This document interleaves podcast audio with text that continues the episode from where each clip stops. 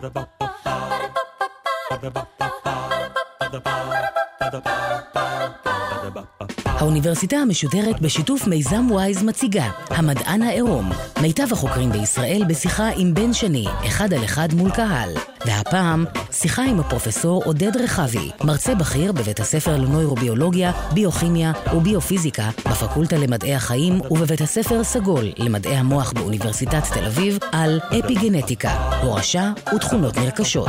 עורכת ראשית מאיה גאייר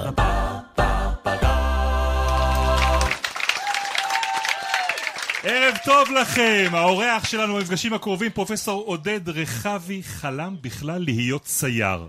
הוא יצא לשם כך לפריז כדי ללמוד אומנות, אבל אז משהו הסיט אותו למסלול אחר, אל חקר המוח.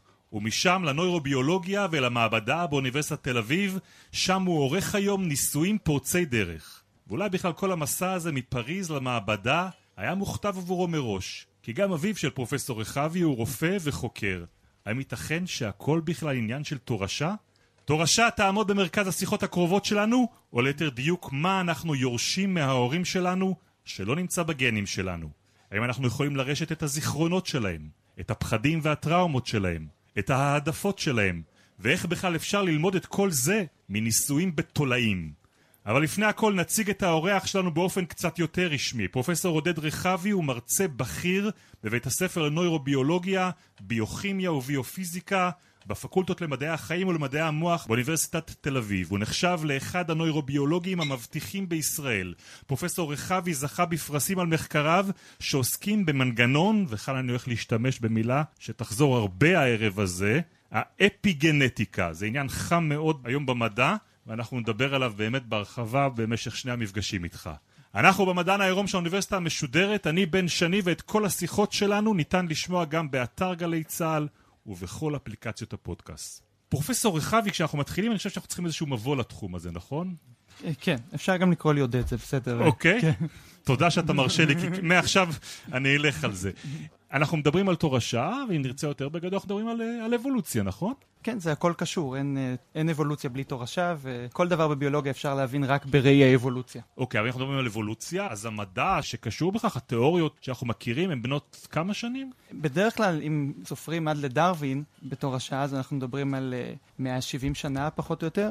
אם אנחנו נדבר גם על תורת האבולוציה שקדמה לתורת האבולוציה של דרווין, תורת האבולוציה של למרק, אז הולכים אחורה 120 שנה פחות או יותר. אוקיי, אז באמת באותו טווח של מה, 300 שנים? פחות אפילו. כן. מתפתח בסיס הידע שעל פיו אנחנו למעשה מגדירים את הביולוגיה שאתה עוסק בה היום. נכון, והגנטיקה נולדה בעצם כשגילו את המחקרים של מנדל, שזה היה רק ב-1900. אז אוקיי. הכל די חדש. אבל רגע, בואו נדבר על שני האדונים האלה, דרווין ולמרק. מה בעצם הם טוענים לגבי האופן שבו נוצרנו, או מה הורשנו אחד לשני כדי שנתפתח למינים שונים ולזנים שונים של בעלי חיים על כדור הארץ? אז בדרך כלל באמת נותנים את הקרדיט על תורת האבולוציה לדרווין. כולם מכירים אותו, ורק היותר מומחים מכירים גם את uh, למרק. אפילו שלמרק הייתה תורת אבולוציה 50 שנה לפני דרווין, ודרווין הכיר את למרק מצוין. הסיבה היא שדרווין פגע במנגנון הנכון של איך אבולוציה עובדת, והמנגנון של למרק עד לא מזמן ממש נחשב שגוי לחלוטין. אז דרווין צדק ולמרק טעה. אבל מה הם אמרו? אוקיי, כן. אז בעצם הם שניהם אמרו שאורגניזמים מתפתחים ומתאימים את עצמם לסביבתם וככה משתנים. ההבדל הוא במנגנון. והדוגמה שתמיד נותנים, ודוגמה טובה כדי להסביר את ההבדל ביניהם, היא הדוגמה של הצוואר של הג'ירפה. איך ג'ירפה התפתחה להיות לבעל חיים עם צוואר ארוך דווקא? אז דרווין אומר, ואני מדבר במילים מודרניות, כי רוב המילים שאני אגיד לא היו לו, שכשהיו הרבה ג'ירפות והן היו קצת שונות אחת מהשנייה. היום אנחנו יודעים שהיו להם מוטציות, למשל בגנום, ב-DNA שלהם, שהבדילו אותם אחת מהשנייה. וכשצווארות העצים בסוואנה היו גבוהות... הצמרות של העצים שבהם הם ניזונים, העלים שהם אוכלים, כן? בדיוק, הן היו חייבות לאכול, ורק אלה עם הצוואר הארוך יכלו לאכול, והשאר מתו ולא שרדו. אז הברירה הטבעית חיסלה אותם, בררה את אלה בעל הצוואר הארוך, ולכן בדורות הבאים רוב הג'ירפות פיתחו צוואר ארוך. הם העמידו צאצאים עם צוואר ארוך, ולכן אחר כך בעיקרון של ברירה טבעית, רק ג'ירפות עם צוואר ארוך אה, נמצאות על פני כדור הארץ. נכון.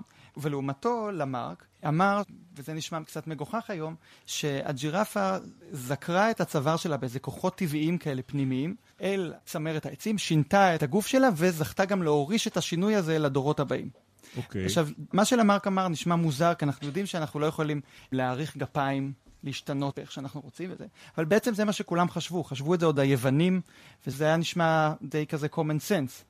נגיד איך הפיל מפתח את החדק הארוך, אז יש סיפורים של רונלד קיפלינג על זה שהתנין תופס אותו בחדק ומושך אותו, ואז מתפתח פיל עם חדק ארוך. זה, זה מה שכולם חשבו. אבל אני חייב לומר שיש היגיון מאוד גדול במחשבה הזאת, שאנחנו לאורך האבולוציה שלנו לומדים דברים, מסגלים לעצמנו איזשהם תכונות, ומעבירים אותם הלאה לדורות הבאים. נכון, אז זה נשמע הגיוני, זה common sense.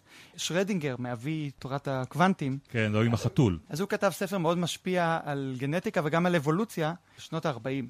ובספר שלו הוא כתב בעצם מה משמעות החיים. והוא אומר שהתורה של למרק הרבה יותר מסתדרת עם משמעות החיים, כי אתה זוכה להשתפר, להתחזק, להביא את עצמך למקסימום, וזה משפר את הסיכוי של הצאצאים שלך לשרוד. ולעומתו, לדרווין זה הכל פסיבי, ולא משנה מה קורה לך בחיים, יש reset, ורק ה-DNA שיש לך בתאי המין יקבע מה יהיה איתך, ולכן שרנינגר אומר, אצל למרק יש איזושהי משמעות לחיים ואצל דרווין לא. רגע, רגע, אמרת פה עוד איזשהו מושג שהוא חשוב להמשך. תאי המין, למה הכוונה? אז יש לנו בגוף שלנו בעצם שני סוגי תאים. תאים של הגוף, הסומה, וזה התאים של הכבד והעין והרגל ותאי מערכת החיסון והנוירונים במוח, ואלה התאים שעוברים אינטראקציה עם הסביבה ומגיבים. למשל, אתה הולך לחדר כושר, תאי השריר שלך מתחזקים. ולעומתם יש את תאי המין, שזה הביצית והזרע, ורק התאים האלה זוכים בעצם להעביר את הגנום אל הדור הבא.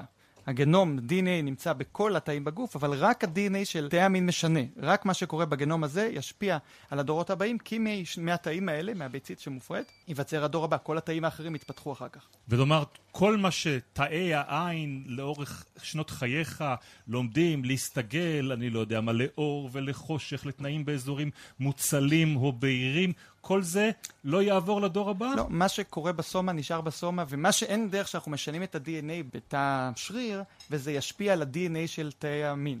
ולכן זה לא משנה לתורשה. איך הביולוגים למדו את זה? איך הם למדו שיש באמת גבול בין תאי המין לבין תאי הסומה? אז את העיקרון הזה חוקק לראשונה אוגוסט וייזמן, שהיה מהממשיכים הכי חשובים של דרווין, במאה ה-19. הוא היה ביולוג חשוב שיש לו הרבה תרומות מאוד חשובות, אבל הוא אמר בעצם את מה שאני אמרתי עכשיו, שתאי המין מבודדים מהסומה, ומה שקורה בתאי הסומה לא עובר לתאי המין, ושלכן הוא חוקק את החוק כדי להראות שהורשה על פי למרק, ואבולוציה על פי למרק של תכונות נרכשות בלתי אפשריים. וכדי לעשות את זה הוא עשה ניסוי שהוא לא משהו, מה זאת אומרת? הוא עשה הרבה ניסויים טובים מאוד בחיים, והוא היה כן. חשוב ביותר, אבל הניסוי הזה היה לא כל כך מוצלח. אפילו יש מחזה של ג'ורג' ברנרד שו שלועג לניסוי הזה. מה שהוא הראה בניסוי שלו, הוא רצה להראות שתכונות נרכשות לא עוברות בתורשה. אז הוא לקח עכברים ובכל דור קצץ להם את הזנב, שוב ושוב ושוב אחרי הרבה הרבה דורות, והוא ראה שכל פעם ממשיך להיווצר זנב ארוך. איזה פלא. נולדים כל פעם עם זנב ארוך ולא מושפעים מהעובדה שקצת... בדיוק שזה בדיוק כמו, אוקיי. ולא היו צריכים את הניסוי, כי אנחנו יודעים את זה מברית מילה, שזה לא קורה. אם הוא היה יהודי, אתה אומר, הוא היה יודע שדורות אחורה, אתה לא נולד בלי. נכון, אבל זה עדיין שכנע את העולם המדעי, ואפשר להגיד שעד לשנים האחרונות ממש, זו דוגמה מאוד מאוד בסיסית, זה נקרא אפילו החוק השני של הביולוגיה. שהחוק הראשון הוא ברירה טבעית, וזה החוק השני, ועדיין, האם מחסום וייזמן, המחסום בין הסומה לג'רמליין, נפרץ או לא, זה דיון מאוד גדול, ואומנם אנחנו נדבר על זה אחר כך, מה שאנחנו הראינו בתולעים, אבל האם זה קורה ביונקים, זה עדיין מסתורי. לפני שאתה מדבר איתי על המסתוריות הזאת, אמרת בעצם עד עכשיו על שני חוקים, החוק הראשון זה הברירה הטבעית, רק ג'ירפות עם צוואר ארוך ישרדו ולכן כן. הצאצאים שלהם יהיה להם צוואר ארוך. החוק השני, המחסום בין תאי המין לבין תאי הסומה, אתה לא יכול להעביר תכונות שרכשת במהלך חייך, אלא רק מה שנולדת איתו. נכון. אז מה אתה רוצה להגיד? שאני נולדתי דף חלק, שכל מה שההורים שלי חוו פעם לא קיים אצלי בשום צורה בגוף? בעיקרון אתה אמור להיוולד רק עם הזיכרון האבולוציוני שנברר לאורך מיליוני שנים. מה שקרה לאחרונה, ואצל ההורים שלך זה בהחלט לאחרונה במושגים אבולוציוניים, לא אמור להשפיע עליך בכלל. אנחנו יודעים שאנחנו, הדיון הזה, או דיון פילוסופי, אם אנחנו דף חלק או לא, והרבה אנשים חקרו אותו, אבל הם לא נגעו בנקודה הזאת. האם הורשה של תכונות נרכשות אפשרית או לא? דוגמה אחת שמראה שאנחנו לא נולדים דף חלק, גם מבחינת הזיכרונות שלנו, או הידע שלנו לגבי העולם, היא דוגמה של מחקרים מפורסמים משנות ה-80 שנערכו בקופים. אוקיי. מה שעשו החוקרים, וזה ממש מחקרים בפסיכולוגיה, הם לא ממש בביולוגיה, כי אין שום מושג במנגנון הביולוגי, זה הם לקחו קופים שנולדו בשבי, נולדו במעבדה והם לא יודעים כלום על העולם, חוץ ממה שהחוקרים לימדו אותם. וניסו לראות האם יש להם פחדים מולדים. אז לקחו את הקופים ולמשל ניסו ללמד אותם שפרח צעצוע זה משהו מפחיד.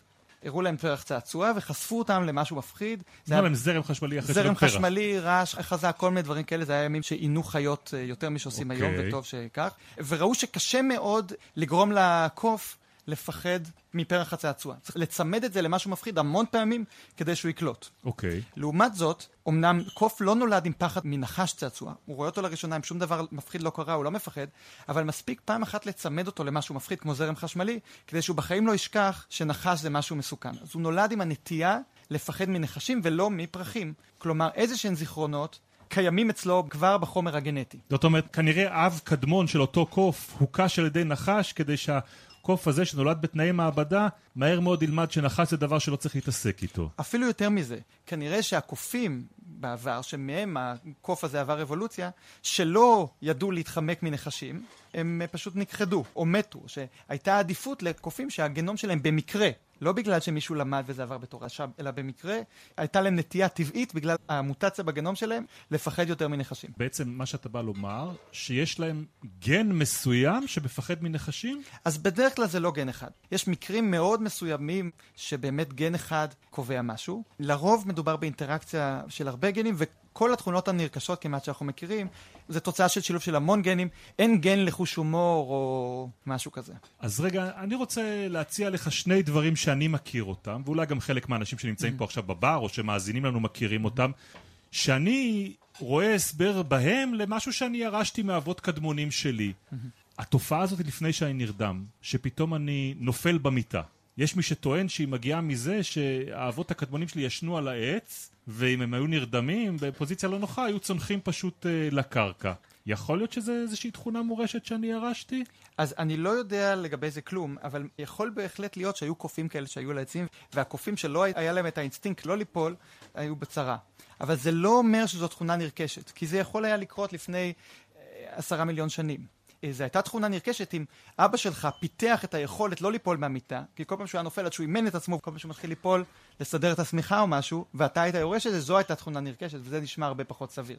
תופעה אחרת שאני מכיר, קרתה לי כשהייתי בביקור בפולין. עכשיו, המשפחה שלי מוצאה מפולין. הסתובבתי איזה לילה אחד באיזושהי עיירה, ויכלתי להישבע לעצמי שהמקום הזה מוכר לי, שאני מרגיש שצעדתי בו פעם. אני לא יודע אם זה משהו בריחות, משהו במזג האוויר, משהו באופן שבו החושך מצטבר במקום הזה, אבל יש לי תחושה שהעובדה שמאות שנים לאחור סבים וסבתות שלי חיו על האדמה הזאת גורמת לי להרגיש במקום הזה בבית. אתה יכול להסביר את זה? לא. אני, אני, אני חושב שלא, זה מחוץ לגבולות של היכולות שלנו, אה, ויכול להיות שראית את זה בסרט, ויכולים להיות הרבה דברים. אוקיי, okay, אבל מצאת במעבדה, בבעלי חיים, איזה משהו שמצביע על זה שסביבה מסוימת מוכרת להם? אז באמת, ביצורים מאוד פשוטים אנחנו מצליחים להראות שיכולים להיות כל מיני דברים. ניסויים מאוד שערורייתיים שנעשו בשנות ה-60 וה-70 מאיזה חוקר אחד שנקרא ג'יימס מקונל. שהוא חקר תולעת שטוחה שנקראת פלנריה. התולעת הזאת היא, מה שמיוחד בזה שהיא אלופת העולם ברגנרציה. זאת אומרת, אם חותכים לה את הראש, היא משלימה ראש חדש אחרי כמה ימים. בניסויים שהוא עשה, הוא היה כזה טיפוס אה, צבעוני, הוא היה הרבה בתוכניות אירוח, כמוני, והוא היה גם, אה, הוא כתב ספר קומיקס, חלק מה, מהמחקרים שלו פרסם בצורה פופולרית. הוא טען שהוא יכול ללמד את התולעים האלה שלו כל מיני דברים, לקצוץ להם את הראש, ושהראש החדש שייווצר זוכר את הזיכרונות שהיו פעם. אוקיי, עושה גם ניסויים, נכון, עושה ניסויים אפילו כן. יותר פרועים, שבהם הוא לקח תולעת, לימד אותה משהו, והכיל תולעים אחרות בתולעת הזאת, כי התולעים האלה שהוא עבד עליהם, הם קניבליות. הם קניבליות, והוא טען שגם ככה הזיכרון עובר בתורשה. וחלק מהדברים שהוא אמר שעוברים בתורשה זה איזשהו זיכרון של מגע של המשטח, שקצת מזכיר את הסביבה שאתה זה.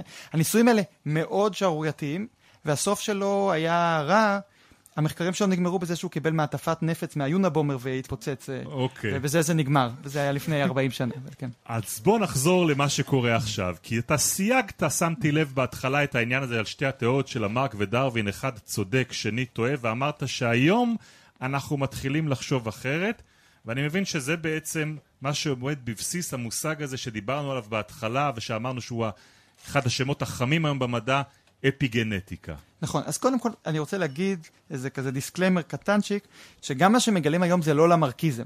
למרק טעה כי הוא היה תוצר של זמנו ולא ידע כלום על גנטיקה, והתיאוריה שלו הייתה מאוד טלאולוגית, כאילו אפשר לחזות את העתיד. דרווין האמין בכלל בתיאוריה של למרק, גם לסבך קצת את העניינים, ובעצמו האמין בהורשה של תכונות נרכשות.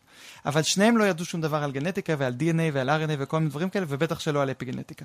אז כן, ההתפתחויות בשנים האחרונות באפיגנטיקה טורפות קצת את הקלפים, ופתאום דברים שהיו לגמרי טאבו וש... אסור היה שיקרה, מראים שהם כן קורים. המחסום הזה של וייסמן, אתה אומר, נפרץ. יש דברים שאנחנו כן מורישים מדור לדור, והם לא התכונות שנולדנו איתם בתוך הגנום שלנו. אז אני לא יודע לגבינו. אנחנו מדברים פה בגוף של אנחנו, אבל המחקרים שלנו נעשים בתולעים, okay. אוקיי. ואת זה מה שהם באמת מראים, והם מראים שיש הורשה שלא דרך ה-DNA וכל מיני דברים אפילו יותר פרועים מזה, אבל אנחנו עדיין לא יודעים אם זה קורה גם בבני אדם. אז תדבר איתי רגע על המושג, איך אתה מגדיר אפיגנטיקה? אז אפיגנטיקה, חשוב להגדיר את זה בצורה טובה, זה מושג שהתעללו בו המון, ואומרים שיש קרם פנים אפיגנטי ומסאז' אפיגנטי וכל דבר איזה, והרבה אנשים מתייחסים לאפיגנטיקה כאילו זה כל שינוי בפעילות של גנים, אבל זו לא ההגדרה היותר רובסטית שאני רוצה להתייחס אליה. אני אדבר על הורשה שמתרחשת לא דרך שינויים ברצף ה-DNA, המילים אפיגנטיקה זה מעבר ל-DNA, הורשה שלא מתרחשת דרך שינויים ב-DNA, בין אם לאורך חלוקה של תאים, זאת מתא אחד לתאי הבת שהתפתחו ממנו, או בין דורות, שזה אפילו יותר מעניין ויותר uh, שערורייתי. אבל כשאני קורא על אפיגנטיקה מדי פעם היום, אני שומע על כל מיני מחקרים שמדברים למשל על זה שהורים מורישים את הטראומות שהם חוו. שניצולי שואה לצורך העניין מורישים לילדים שלהם לא סתם אה, התנהגויות אה, אה, שונות, אלא, אלא דברים שהם נמצאים בגוף באיזושהי צורה פיזיולוגית מתוך טראומה שהם חוו. על מה זה מתבסס? זה מתבסס על כל מיני מחקרים שהם... אה, יש בעיה, יש אפיל מטורף, משיכה מאוד חזקה לאפיגנטיקה, כי מדבר על מי אנחנו ומאיפה באנו. יש אפילו חוקרים שכתבו שזה מפריד את העולם לימין ושמאל מבחינה פוליטית, כמה אנחנו... האפיגנטיקה, כן. אתה יכול להוריש את העובדה ש... שאתה ימני או שמאלי. לא, יותר לנטייה שלך להאמין שהבן אדם הוא בר שינוי או לא. זאת אומרת, יש לזה הרבה סיבות שאנשים רוצים להאמין בזה, okay. אוקיי. ו... ולפעמים הולכים רחוק מדי. מחקרים למשל על uh, טראומות בבני אדם, קשה מאוד לעשות, למשל על השואה, כי, דבר ראשון, קשה להפריד סביבה מתורשה. יכול להיות שבן של ניצולי שואה, אמרו לו כל הזמן, תסיים לאכול מהצלח, ואנחנו יודעים באיזה סביבה בעייתית ניצולי שואה גדלים לפעמים. ו... זאת ההשפעה הייתה בכלל התנהגותית ממה שאמרו לו בבית, או שהוא חווה, או שהוא זאת שמע. אפשרות אחת. ולא ממשהו שטבוע אצלו בתוך התאים בגוף. ואפילו אם נטרלו את זה באיזושהי דרך קסם שאני לא מכיר, עדיין קשה לעשות, כי אנחנו שונים אחד מהשני. קשה לשלול שיש איזה הבדלים גנטיים. אי אפשר לעשות ניסויים בבני אדם על דברים כאלה, וטוב שכך. ובדרך כלל הניסויים האלה הם ניסויים שנעשו בקצת מאוד אנשים, והסטטיסטיקה שלהם היא יחסית חלשה. קשה לחקור את זה, אני חושב שצריך להתחיל לחקור את זה ביצורים מאוד מאוד פשוטים, בדיוק כמו שחקרו את הגנטיקה. זאת אומרת, חוקי הגנטיקה התגלו עוד לפני שידעו על DNA באפונים, ואחר כך את הקשר לכרומוזומים ול-DNA גילו בזבובים ובחיידקים ובווירוסים. לקח הרבה זמן עד שהבינו שזה קורה בבני אדם, ואני חושב שהתולעת, שאחר כך היא תהיה הכוכבת של ההרצאה, אז היא האפונה של האפיגנטיקה. דבר איתי רגע על תולעת. למה תולעת? דבר ראשון, קצת כבוד לתולעים, אז ארבע מתוך חמש חיות בעולם הן תולעים, והתולעים הם בי פאר החיה הנפוצה ביותר. כן. Okay. אם היו משמידים את התולעים בעולם, העולם היה פשוט קורס ומתמוטט, והן חשובות אה, לא רק כי אנחנו לומדים מהן על בני אדם, אלא גם כי יש להן תפקיד בכל המאזן האקולוגי, ולמשל נוכלות חיידקים שמחליפים אחר כך גזים עם הסביבה וכולי. אז התולעים הן מאוד חשובות. אבל חוץ מזה, הן גם מודל מאוד טוב לחקור גנטיקה ולחקור את מדעי המוח ולחקור המון דברים, ולכן אלפי אנשים חוקרים את התולעים. ספציפית, אלפי אנשים חוקרים תולעת בשם C. אלגנס. שהיא אחד מהמודלים הכי חשובים לגנטיקה יחד עם זבוב אה, וגם לנוירוסיינס. אז בכנס התולעים הדו-שנתי מגיעים אלפי אנשים, כן. ומאז שנת 2000 קיבלו שישה פרסי נובל על התולעת סי אלגנס. אבל התולעת הזאת יכולה ללמד אותנו משהו גם עלינו, על בני אדם? כן, אז בדרך כלל כשנותנים פרס נובל, כי זה אחר כך גם היה נכון לבני אדם, כן. אפילו שיש דברים מעניינים אחרים, אז כן. למשל, חוקי הגנטיקה, שגנטיקה, הורשה של ה-DNA, נכונים להמון יצורים, זה לא ברור אם יש חוקים בביולוגיה או לא, פילוסופים מתווכחים על זה, כי גם נגד חוקי ההורשה של מנדל לא תופסים לחיידקים למשל, שזה עובד אחרת. אבל אפשר ללמוד המון דברים. אבל היתרון של תולעת כדי ללמד אותנו הורשה, זה שזמן הדור שלה, זאת אומרת מהרגע שהיא נולדה עד שייוולדו אה, צאצאים, הוא נורא קצר, זה רק שלושה וחצי ימים. זאת אומרת אפשר לחקור המון דורות מהר נורא. אתה עושה את הניסוי על בני אדם, חס וחלילה זה ייקח לך 20 שנה בין דור לדור, וגם כל תולעת מולידה בערך 250 צאצאים, אז הסטטיסטיקה היא אדירה. זאת אומרת, תוך שלושה ימים אתה רואה אם אותם גנים נולדו בתולעת החדשה, ואתה יכול לראות... ואתה יכול לראות אם השפעת על דור אחד, האם זה משנה לדור השני וכולי. עכשיו, חוץ מזה, תולעים הם גם יחסית זהות גנטית אחת לשנייה. אלא אם כן אנחנו מחליאים אותן עם תולעים אחרות, שזה עוזר לנו מאוד להבדיל בין תורשה לסביבה, ואנחנו שולטים בסביבה שלהם בצורה מושלמת. הן אוכלות רק מה שנשים להם בצלחת, בדרך כלל זה חיידקים, אנחנו שולטים בטמפרטורה שהן גדלות, אנחנו יכולים לנתח את התנועה שלהם בעזרת מכשירי מעקב אוטומטיים וכל מיני דברים. עכשיו, התולעת היא גם מאוד חשובה לחקר המוח, אפילו שאין לה מוח, יש לה מערכת עצבים, כי יש לה רק 300 נוירונים, תאי הצו. לנו יש הרבה מאוד, מאות מיליארדים. חשבו עד לא מזמן שיש לתולעת 302 נוירונים, היום יודעים שיש לה 300, מתוך 959 תאים. זאת אומרת, אחוז מאוד גדול מהגוף שלה הוא מערכת עצבים. כמה היא גדולה פיזית שאתה מדבר? היא בגודל של מילימטר, לא רואים אותה בעין. אוקיי. וגם התולעת שקופה. אז אפשר לראות את הנוירונים שלה ממש יורים בכל מיני אמצעים, ממש לראות איך הם פועלים. את כל החיבורים בין הנוירונים אנחנו מכירים, אנחנו יודעים כל נוירון, אנחנו מכירים אותו בשמו, באמת, ואנחנו יודעים איך הנוירונים מחוברים כמו, יש לנו מפה קונקטום ברזולוציה של מיקרוסקופ אלקטרוני, רזולוציה מאוד גבוהה, ממש כמו מפה של המטרו שאומרת לנו איך מערכת העצבים מחווטת. אז כשאתה מתחיל את המחקר שלך, מתי בפעם הראשונה אתה פוגש תולעים? אז אני פגשתי את התולעים רק בפוסט-דוק. שעשיתי באוניברסיטת קולומביה. לפני זה מה רצית לבדוק? לפני זה חקרתי דווקא תאים של בני אדם, עוד לא הייתי מספיק uh, מפותח, ו... אבל המחקר שלי בדוקטורט הוביל אותי למחקר בפוסט, כי הראיתי שמולקולות של RNA יכולות לעבור בין תאים של בני אדם במצבים מסוימים, שזה יהיה חשוב למחקר שלי אחר כך בתולעים. אנחנו נדבר על RNA ועל DNA בחלק הבא של המפגש איתך, פרופסור עודד רחבי, אבל בשלב הזה אני רוצה לפנות גם לקהל שנמצא כאן בבר בתל אביב, בר שנקרא דיזי פרישדון. אם יש למישהו שאלות, זה הזמן לשאול את פרופסור רחבי. כן, מתנדב ראשון אמיץ פה. היי, hey, שחר. רציתי לדעת מה בסוף אנחנו כאנושות, מה זה תורם לנו? מה אפשר לעשות עם המחקר הזה ולאן זה מגיע בסוף? כי הרבה דברים בביואינפורמטיקה, או לא משנה בתחום הזה, הביאו הרבה דברים טובים לאנושות, השאלה מה זה נותן. אז בעצם התשובה הכי כללית שאני יכול להגיד, זה שאנחנו לא יודעים, אבל רוב פריצות הדרך הרפואיות למשל, החשובות ביותר, התגלו, התחילו ממדע בסיסי לחלוטין, שהוא היה מונע סקרנות. אז למשל, המהפכה הכי גדולה של השנים האחרונות, שזה היכולת לערוך גנומים, לשנות את החומר הגנטי, התחילה בכלל, 20 ומשהו שנה קודם, ממחקר על הורשה אפיגנטית בחיידקים. היום אנחנו רואים רק את התוצר, שזה הכלי שמאפשר לנו לערוך את הגנום, שזה הקריספר, אולי מישהו שמע. הפכנו אותו לכלי, אבל גילו אותו בעזרת מחקר על הורשה אפיגנטית בחיידקים. אנחנו לא יודעים, ורוב הפריצות הגדולות לא באות דווקא מהשלב האחרון של לקייל את השימושיות, שזה בדרך כלל עושים בחברות תרופות, אלא ממחקר שמונע סקרנות, מחקר בסיסי לחלוטין. זה, זה פשוט עובדה. עוד שאלה? מה משתנה פיזית, אה, אם זו הרשעה שלא דרך DNA, אז אה, מה משתנה במכונה? זהו, אז אני לא יודע אם מותר לי לענות, כי אנחנו אמורים לדבר על זה בהרצאה השנייה, אבל... תן לנו איזשהו פרומו קטן. אז uh, בעצם מה שאנחנו מראים, המחקרים שלנו, שלפחות בתולעים, במקביל להורשה של DNA, יש גם הורשה של מולקולה אחרת שנקראת RNA, סוג מסוים של מולקולות RNA שהן קטנות, וההורשה הזאת, יש לה חוקים אחרים ששולטים על ההורשה שלה, ומנגנונים אחרים שמבצעים אותה, והיא מאפשרת דברים שהורשה דרך DNA לא מאפשרת. ולא שמעתם את זה. ולא כן. שמעתם את זה? אתם תתנהגו כאילו אתם... עוד שאלות. שלום, קוראים לי אסף, אני מפתח תוכנה. אה, רציתי לשאול מה המרחק בין מצב המחקר הנוכחי לבין מצב שיתאפשר להעביר זיכרונות כמו בסרט אה, Total Recall, או להעביר ידע בהטסת מסוקים כמו בסרט מטריקס. הנה הוא מהנדס תוכנה, הוא חושב איך אפשר לגבות את המוח. אז מה שאני עושה לא יאפשר את הדברים האלה. הוא לא יאפשר את הדברים האלו, הוא יכול לאפשר אולי יום אחד בעתיד דברים אחרים, כמו למשל סקרינים גנטיים. היום כל זוג שהולך ל... בישראל, שהולך להביא תינוק, או הרבה מאוד זוגות עושים בדיקות גנטיות, שבהם אה, מסתכלים על, על הסיכויים למחלות וכל מיני דברים כאלה, וכרגע מסתכלים רק על ה-DNA. מסתכלים על, אה, בדרך כלל, מקטעים מסוימים של ה-DNA, בקרוב מאוד יסתכלו על כולו. אבל עדיין חלק מהמידע נמצא ב-RNA ועל זה לא מסתכלים, וזה יהיה יישום ראשוני אפשרי להסתכל גם על RNA כדי לדבר על תכונות מורכשות. Uh, אני חושב שדווקא היכולת אולי להעביר זיכרונות מורכבים כמו שהזכרת, תגיע ממהנדסי תוכנה, מהקלטה, ושוב, זה כמובן מדע בדיוני ואף אחד לא יודע לעשות את זה, מהקלטה של פעילות מוחית בלי לדעת שום דבר על מה מקליטים, ושידור של זה למוחות אחרים, אבל ברור שאף אחד לא יודע לעשות את זה עכשיו, ואי אפשר לצפות גם מתי יוכלו לעשות את זה. פרופסור עודד רחבי, אל תלך לשום מקום.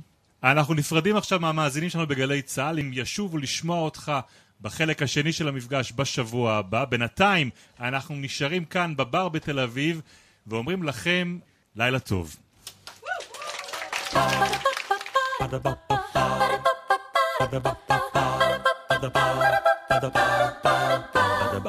האוניברסיטה המשודרת, המדען העירום. בן שני שוחח עם הפרופסור עודד רחבי, מרצה בכיר בבית הספר לנוירוביולוגיה, ביוכימיה וביופיזיקה בפקולטה למדעי החיים, ובבית הספר סגול למדעי המוח באוניברסיטת תל אביב, על אפיגנטיקה, הורשה ותכונות נרכשות. עורכת ראשית, מאיה גאייר. עורכת ומפיקה, גאיה חלמיש. ביצוע טכני, דניאל שבתאי. האוניברסיטה המשודרת, בכל זמן שתרצו, באתר וביישומון גלי צה"ל ובדף הפייסבוק של האוניברסיטה המשודרת. it.